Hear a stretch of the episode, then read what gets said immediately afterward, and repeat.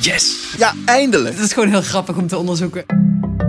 Zei die dat? Dat is echt heel raar. Ja, dat klinkt geweldig, maar kun je het ook aantonen? Dit is Speurwerk. Wij brengen je de hoogtepunten van Investico's nieuwste publicaties en laten zien hoe journalisten te werk gaan. Ik ben Simone Peek. En ik ben Sylvana van den Braak. Deze aflevering gaat over Dat is de goksector op Curaçao. Het gaat om, om duizenden websites, honderden bedrijven. En dat is natuurlijk een fantastische manier als je zwart geld hebt. Dan kan je gewoon via dat casino je geld witwassen. Het is eigenlijk een soort schaduwbank voor de onderwereld. Maffiabedrijven, Russische criminelen, de Godfather van Den Haag, die maken allemaal gebruik van gokbedrijven in Curaçao. Welkom bij weer een nieuwe aflevering van Speurwerk. Carlijn Kuipers neemt samen met David Davidson van radioprogramma Argos de goksector onder de loep. Ze ontdekte namelijk dat het wereldwijde centrum van het online gokken zich in Curaçao bevindt. Het land heeft slechts 155.000 inwoners, maar duizenden online casino's. De sector wordt veel gebruikt om geld wit te wassen. Online casino's zijn de perfecte manier om geld van de ene naar de andere plek te krijgen, zonder dat het te traceren is. De online gokkasten van Curaçao worden gebruikt door de Italiaanse maffia, criminele Russen en de onderwereld van Den Haag. Vanwege deze witwasrisico's zijn er in de meeste landen strenge regels omtrent de goksector. Maar niet in Curaçao. Hoe dat zit, vertellen David en Carlijn. Gokbedrijven worden vaak gebruikt om geld wit te wassen. In een online casino kan je zwart geld inleggen. En dan als je zeg maar een gok hebt gewonnen of je doet alsof je een gok hebt gewonnen, dan is dat geld wit. En dat is natuurlijk een fantastische manier als je zwart geld hebt. Er zijn ook voorbeelden van zaken waarin de maffia gewoon een heel casino zelf in handen had. Dan kan je gewoon neptransacties doen, want je zet gewoon in de computer, doe je alsof er wat gegokt is en dat heeft helemaal niet plaatsgevonden. Je kan cryptovaluta omzetten in normale valuta. Je kan betalingen aan elkaar doen, want iedere speler heeft een eigen account met geld erin. En criminelen kunnen dus op elkaars accounts eigenlijk betalingen doen. Het is eigenlijk een soort schaduwbank voor de onderwereld. Dit is Carlijn Kuipers. Ze werkt samen met David. Ik ben David Davidson. David en Carlijn proberen een overzicht te maken van alle bedrijven die zich in de goksector van Curaçao begeven. Na verschillende pogingen zelf een Excel-lijst te maken, schakelen ze hulp in. Dat is iemand die heeft ook verstand van, uh, ja, van techniek. En die heeft eigenlijk, zoals je dat noemt, een scraper gebouwd. Waarmee hij geautomatiseerd deze informatie van al die sites kon binnenhalen. En er dus een overzicht ontstond. En hoeveel waren dat er? De lijst zoals die nu is, ruim 500 bedrijven. Een bedrijf kan wel duizenden verschillende gokwebsites in de lucht hebben. En volgens Carlijn en David is deze lijst slechts het topje van de ijsberg we hebben het sterke vermoeden dat het maar een klein deel is van, van het totaal. Omdat we in bepaalde, in bepaalde talen hebben we niet gezocht. Dus we hebben niet in het Russisch gezocht, niet in het Chinees. En we weten dat er ook veel bedrijven zijn die zich op die markten richten. En wat het opvallende is, is dat die, die cijfers die wij hebben, die verschillen heel erg van, van de cijfers die overheidsinstanties aanhouden. Iedereen moet schatten, want niemand weet hoeveel het is. Ja, het is echt flink veel meer dan wat zij waarschijnlijk in het vizier hebben. Honderden bedrijven met duizenden websites. Maar waarom willen al deze bedrijven nou zo graag een goksite op Curaçao? Wij kunnen natuurlijk eigenlijk niet zeggen waarom iemand dat wil. Maar wat we wel zien in dat systeem is dat het heel erg verhullend werkt. Het zijn dus waarschijnlijk mensen die liever niet met hun naam naar buiten komen. Je kunt natuurlijk niet zeggen dat is allemaal crimineel bijvoorbeeld, of dat is allemaal belastingontduiking. Maar in de voorbeelden die je tegenkomt, openbare bronnen, zie je dus wel heel vaak dat als er uh, over deze bedrijven wordt geschreven, dat ze uh, op zijn minst controversieel zijn uh, en dat je toch ook wel criminele links ertussen zit dat zijn natuurlijk vaak mensen die hebben er geen behoefte aan om naar buiten te komen. En die zullen ja, waarschijnlijk een wat groter belang hebben bij een Curaçaose vergunning dan bijvoorbeeld jij of ik. Maar hoezo werkt het zo verhullend? En hoezo kunnen mensen gelinkt aan criminele activiteiten zomaar een gokbedrijf starten? In de meeste landen mag je alleen een gokbedrijf openen als je een licentie hebt van de overheid. In Curaçao is in 1993 een hele korte wet aangenomen die online gokken legaal maakt voor bedrijven die een vergunning hebben. Maar in die wet is niks bepaald over toezicht, niks over dingen tegen witwassen, niks over de eisen aan mensen die zo'n online casino exploiteren. Dus het is eigenlijk een heel minimale wet als je kijkt naar de risico's die er zijn in zo'n sector. Uh, maar die wet, dat is waar de goksector nu nog altijd op drijft. Op dat kleine wetje van zes artikelen. Het is echt, het is, het is letterlijk één A4'tje, die wet. Carlijn en David spreken ambtenaren over hoe die wet tot stand kwam en waarom die deze vorm had. Eén ambtenaar die we hierover spraken, dat is John van Schendel. En hij was in de jaren negentig betrokken bij het uitgeven van de eerste vergunningen. Dus hij kreeg die wet op zijn bureau, daar had hij niet aan meegekeken. Hij zei, als ik het had gezien, was hij er nooit doorheen gekomen. Maar hij was er al doorheen en hij moest toen vergunningen gaan uitgeven. Het gaat om ambtenaar John van Schendel. Hij legt aan ons uit waarom hij wil vertellen over hoe het toen is gelopen.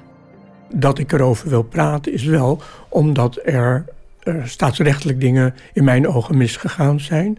Als je met een boot vaart, heb je een kompas nodig. En als het kompas niet helemaal goed geëikt is en bijvoorbeeld één graad afwijkt, dan kom je aan het einde van de rit misschien wel honderden kilometers uit de route aan. Bij het werk van wetgeving kan dat ook het geval zijn. Als je dingen niet onderkent als probleem, dan kan het gebeuren dat je dus dingen niet op een goede manier regelt en vervolgens alleen maar geconfronteerd wordt met consequenties die je helemaal niet voorzien hebt, dan wel niet wenst.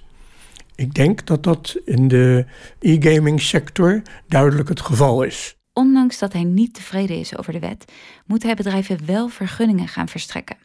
En hij werd onder druk gezet om dat versneld te doen.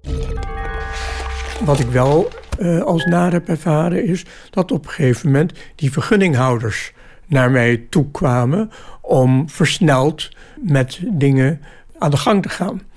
En toen zei ik, ja, maar die wet is niet goed. Nou, laten we het dan maar op een andere manier doen. Dus uiteindelijk heb ik samengewerkt met een aantal vergunninghouders om datgene wat in die vergunningen moest komen, zoveel mogelijk te laten aansluiten bij de principia die eigenlijk op het wetgevingsniveau zouden moeten worden geregeld, blijft als wetgevingsjurist tegen mijn geweten ingaan. Het was niet zoals ik het wilde hebben. Maar de druk brengt dat toch met zich mee. Maar wat er vervolgens gebeurde, een paar bedrijven kregen toen een vergunning van de overheid.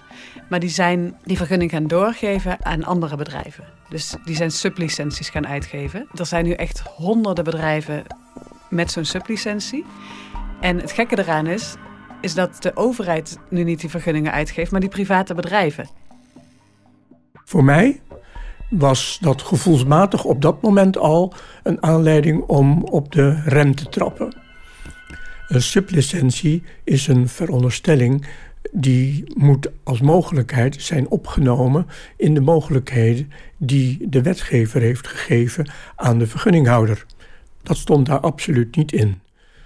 Dus ik heb van het begin af aan gezegd dat sublicenties op die basis helemaal niet konden. En wat hij vertelt is dat hij op een gegeven moment ontdekte dat bedrijven toch die licenties aan het uitgeven waren. En toen is hij naar de naar de recherche gestapt en heeft gezegd van, uh, nou, dit, dit mag niet, dit moet aangepakt worden. Maar uiteindelijk zei de minister van Justitie van, dat gaan we mooi niet aanpakken, want het is belangrijk voor de werkgelegenheid. En kort daarna is hij overgeplaatst, dus moest hij het hele dossier laten vallen. En in de jaren daarna is er eigenlijk gewoon door de overheid niks gedaan om dat te stoppen. De gokbedrijven zelf zeggen nu van het is legaal, die sublicenties of het nou legaal is of niet, het gebeurt. En het gebeurt op heel grote schaal. Ja, en er zijn genoeg partijen die er misbruik van maken. De bedrijven die toen der tijd een vergunning kregen van de overheid, noemen zichzelf master licentiehouders. Voor de subvergunningen die ze uitgeven aan andere bedrijven, vragen ze 5000 euro per jaar. Maar een sector die er eigenlijk nog veel meer aan verdient, is de trustsector. Dat zijn ondernemingen die zetten bedrijven op voor buitenlandse klanten. Brievenbusbedrijven.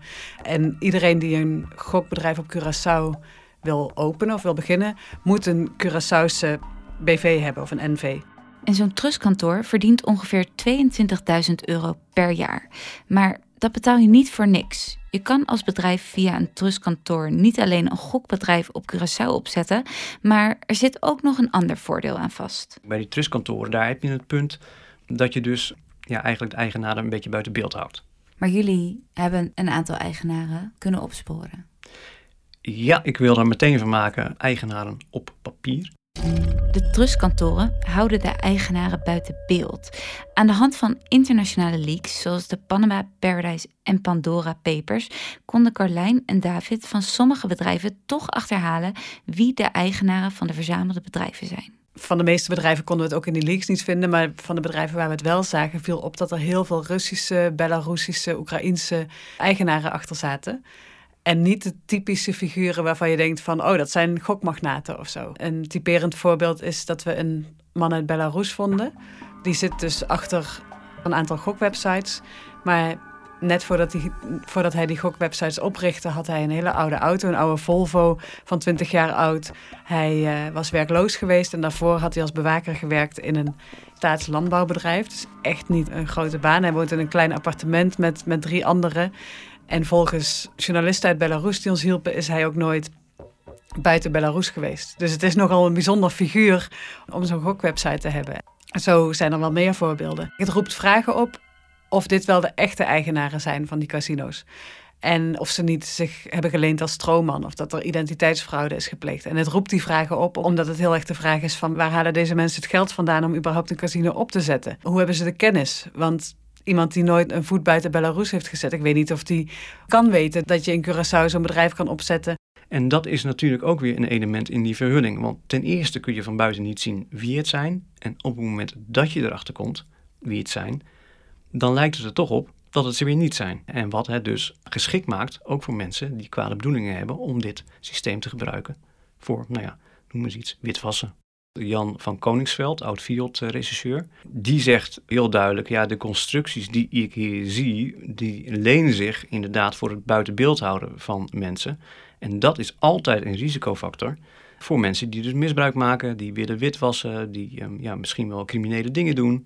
En die criminele dingen komen Carlijn en David ook tegen tijdens dit onderzoek. Er is ook een, een bekende Nederlandse zaak rond het gokbedrijf Edobet is gelieerd aan Piet S., de Haagse godvader, uh, die inmiddels vastzit. Waar dus eigenlijk ook een aantal bekende Nederlandse voetballers bij betrokken waren. Dirk Kuyt is een bekende naam, die speelde daar. Uh, die schijnt dus ook zijn, uh, zijn speelwinst cash uitgekeerd te hebben gekregen.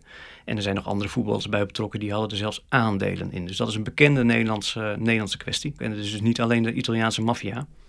Maar waarschijnlijk is het, uh, ja, ik denk toch meer wereldwijd. Deze bedrijven hebben een vergunning op Curaçao, maar dat is het ook wel zo'n beetje. Um, hun, hun, geld gaat via andere landen. Ze richten zich op, op spelers ook in het buitenland. Dus afgezien van die vergunning heeft het, heeft het weinig met Curaçao te maken. Maar Curaçao moet wel zorgen dat, het, dat die sector deugt en dat er goed toezicht is. Maar dat goede toezicht ontbreekt dus. Een aantal jaren lang was het onduidelijk waar dat toezicht lag ministerie van Justitie zei het ligt bij Financiën. En Financiën zei het ligt bij Justitie. En in de praktijk deed niemand iets. En toen in 2020 is het naar een stichting gegaan, het toezicht. Maar we hebben hen vragen gesteld van wat doen jullie nou aan toezicht? En zij zeggen we zijn nog altijd bezig met het opstellen van ons beleid en de richtlijnen. En totdat dat is vastgesteld, houden we geen toezicht. Dus er, er is gewoon op dit moment geen toezicht. En wat er denk ik heel tekenend voor is, is dat de minister van Financiën afgelopen december een, een oproep deed in de krant.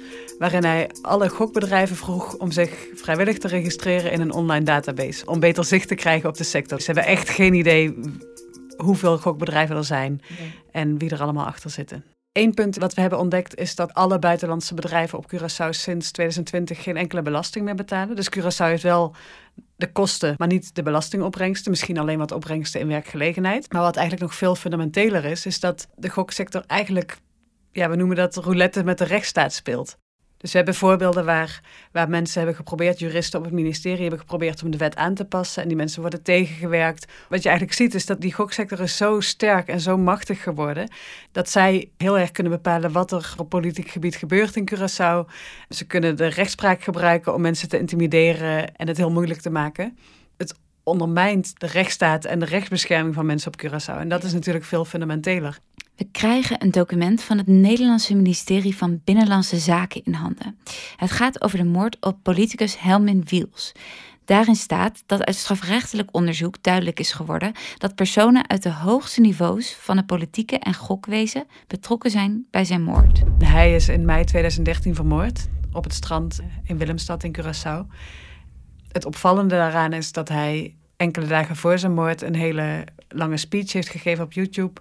Waar hij zei van ik ga dingen over de goksector onthullen. En een, een dag of twee later werd hij vermoord.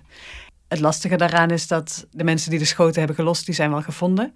Die zijn ook veroordeeld en die zitten nu vast. Maar de mensen die de opdracht gaven, die zijn nooit gevonden. Carlijn en David spreken nog meer bronnen die misstanden aan het licht proberen te brengen, maar hard worden tegengewerkt door de goksector. Ik ben Nardi Kram en ik heb de helft van mijn leven op Curaçao gewoond en in uh, Friesland. Zij kwam voor het eerst in aanraking met de goksector in, in 2012. Zij woonde toen in Curaçao en had een, had een eigen onderzoeksbureau. Een soort privaat onderzoeksbureau waar ze voor verzekeraars of voor advocaten onderzoeken deed. Daar stuitte ze op de goksector. En wat ze ons vertelt is dat ze vanaf dat moment eigenlijk geïntimideerd is. Er stonden auto's voor haar huis. Ze werd gevolgd, dat ze het idee. Ze, en dan werd haar gezegd van pas op, want je houdt je met de verkeerde mensen bezig. Toen is ze, is ze gevlucht, is ze terug naar Nederland gekomen.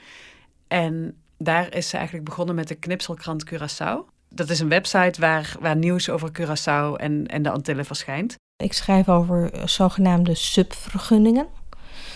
Ik uh, meen dat die niet uh, op de wet gebaseerd zijn en niet wettelijk gereguleerd zijn. En dat daardoor een enorme schaduweconomie is ontstaan. Ik vind toch dat in mijn ogen de waarheid moet worden verteld. Omdat ik erg bezorgd ben over wat wij hier uh, verhullen. Maar het rechtssysteem op Curaçao heeft daar een andere opvatting over. En ik word om de havenklap dus in Curaçao voor de rechtbank gesleept. Wat er opvallend is, is dat ze ook heel grote dwangsommen eisen en ook toegekend krijgen van de rechter.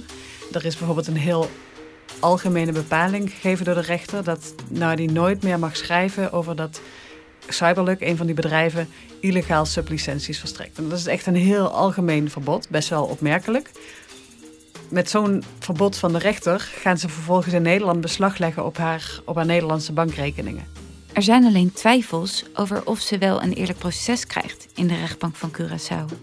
Het meest opvallende is dat een van de zaken, daar werd een rechter aangewezen die voorheen als advocaat werkte en ook als advocaat voor gokbedrijven optrad. En die rechter die heeft namens die gokbedrijven in 2014 sommaties en, en volgens mij ook dwangsommen getekend dat, dat de website Knipselkrant Curaçao uit de lucht gehaald moest worden. Daar was ze als advocaat bij betrokken.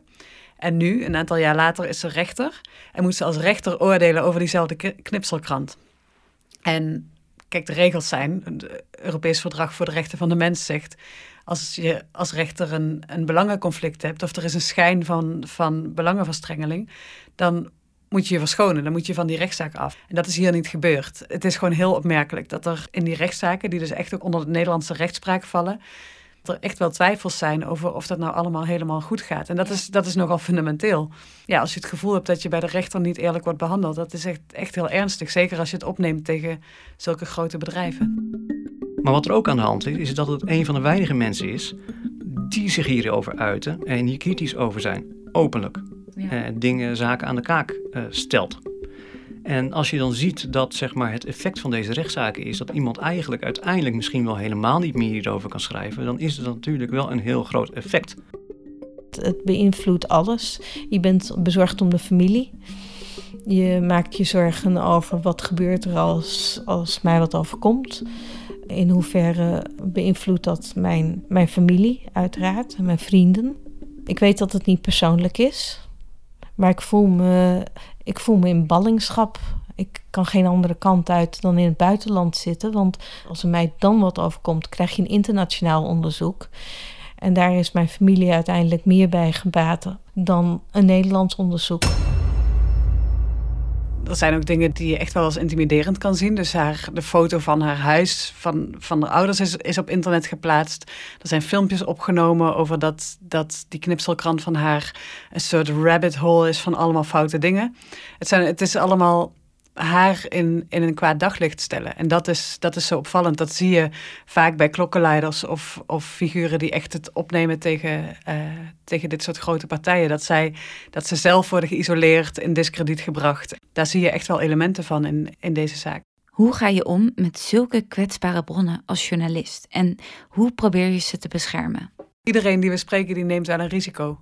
Want je weet dat het gewoon, het gaat, je, het gaat je persoonlijk helemaal niks opleveren. Je gaat er gedoe mee krijgen waarschijnlijk. Dus het is, ja, daar zijn we echt heel blij mee dat, dat mensen toch die moeite of het risico hebben genomen om überhaupt dit met ons te praten. En we zijn echt van, ja, van die mensen afhankelijk. Je bent heel zorgvuldig met bronnen omdat je weet dat het zo gevoelig ligt. Dus ben je de hele tijd aan het checken van kan ik iemand in de problemen brengen, dat soort dingen.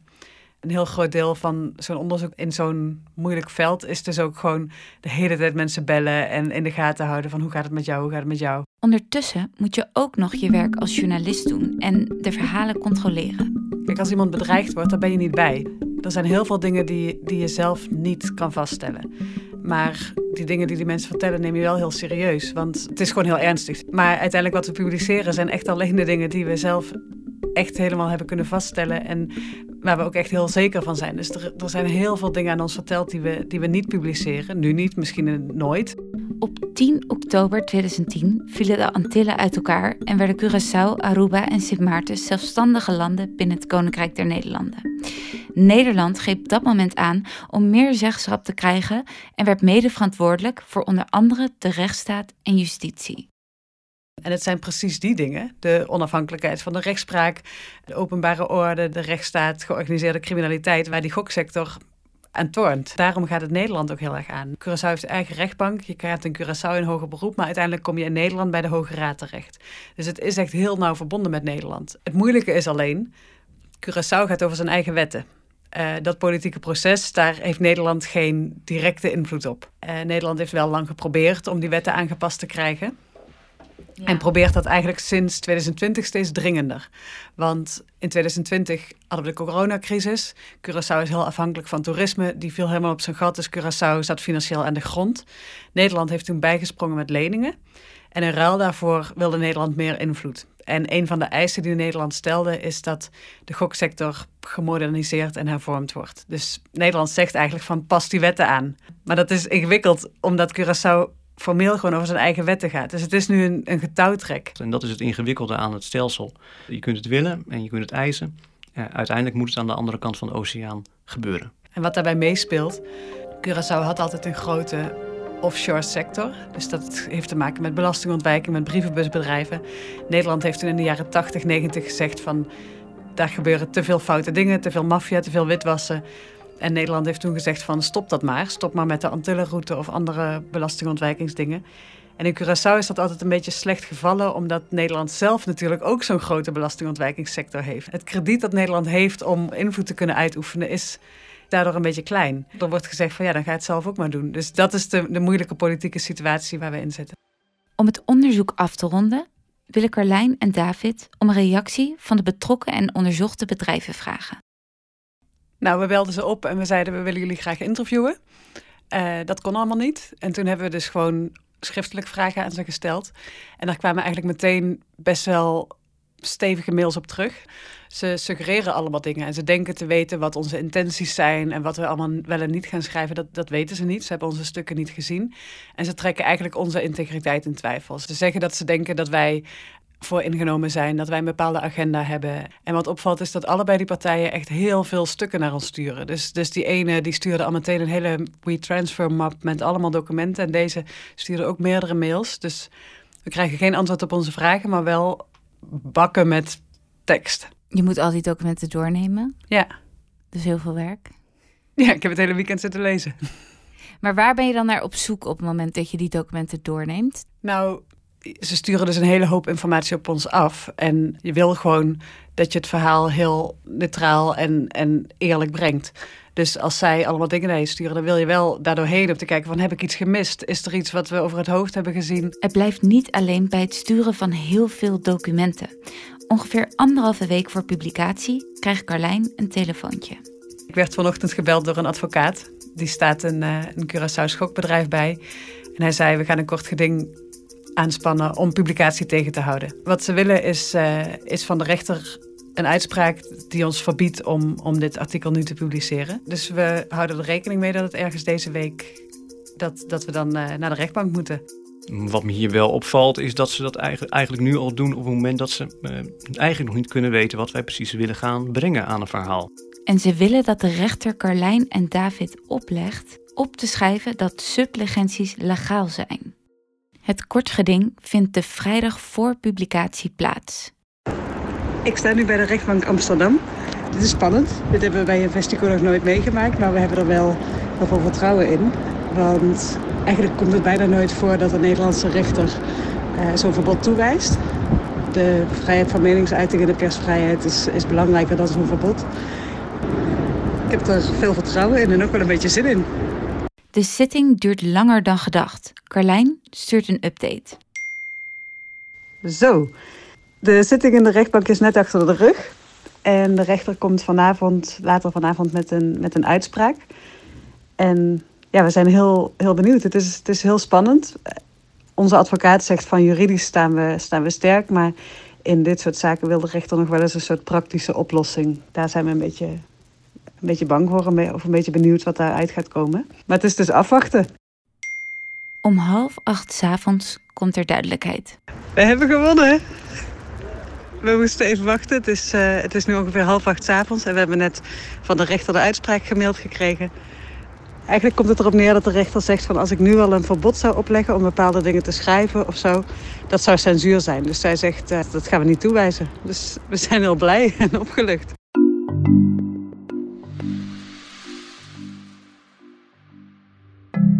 Dit was Speurwerk. Je hoorde Carlijn Kuipers en David Davidson over hun onderzoek naar de online goksector in Curaçao.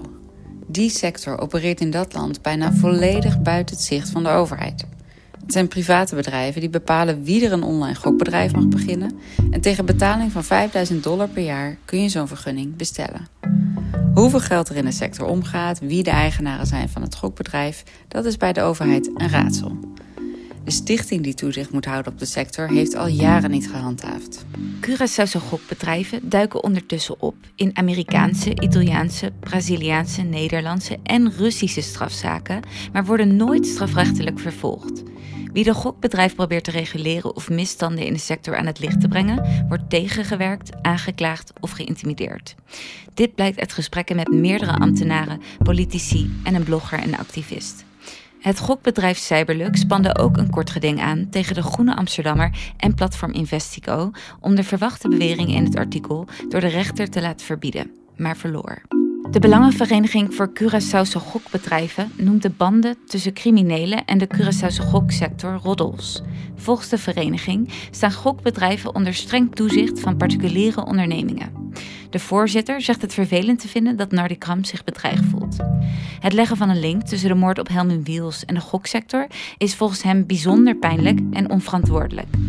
De sector is van mening dat sublicenties legaal zijn en verwijst door naar jurisprudentie. Cyberluk ontkent dat de rechtszaken tegen Nardi Kram zijn bedoeld om ervoor te zorgen dat zij niet kritisch kan schrijven over Cyberluk en de gamingindustrie. De rechter Kimberly Laste zegt dat ze geen aanleiding heeft gezien om zich te verschonen. Lees het hele verhaal in de Groene Amsterdammer of luister aankomende zaterdag naar de radioreportage van Argos. Voor de geannoteerde versie van dit stuk, voor alle bronnen en waar de bevindingen op zijn gebaseerd, kijk je op de website van Investico. Wil je als eerste op de hoogte zijn van een nieuwe aflevering van Speurwerk? Abonneer je dan in de podcast-app. Dankjewel Pepijn Buitenhuis voor de muziek en de eindmix. Tot de volgende keer.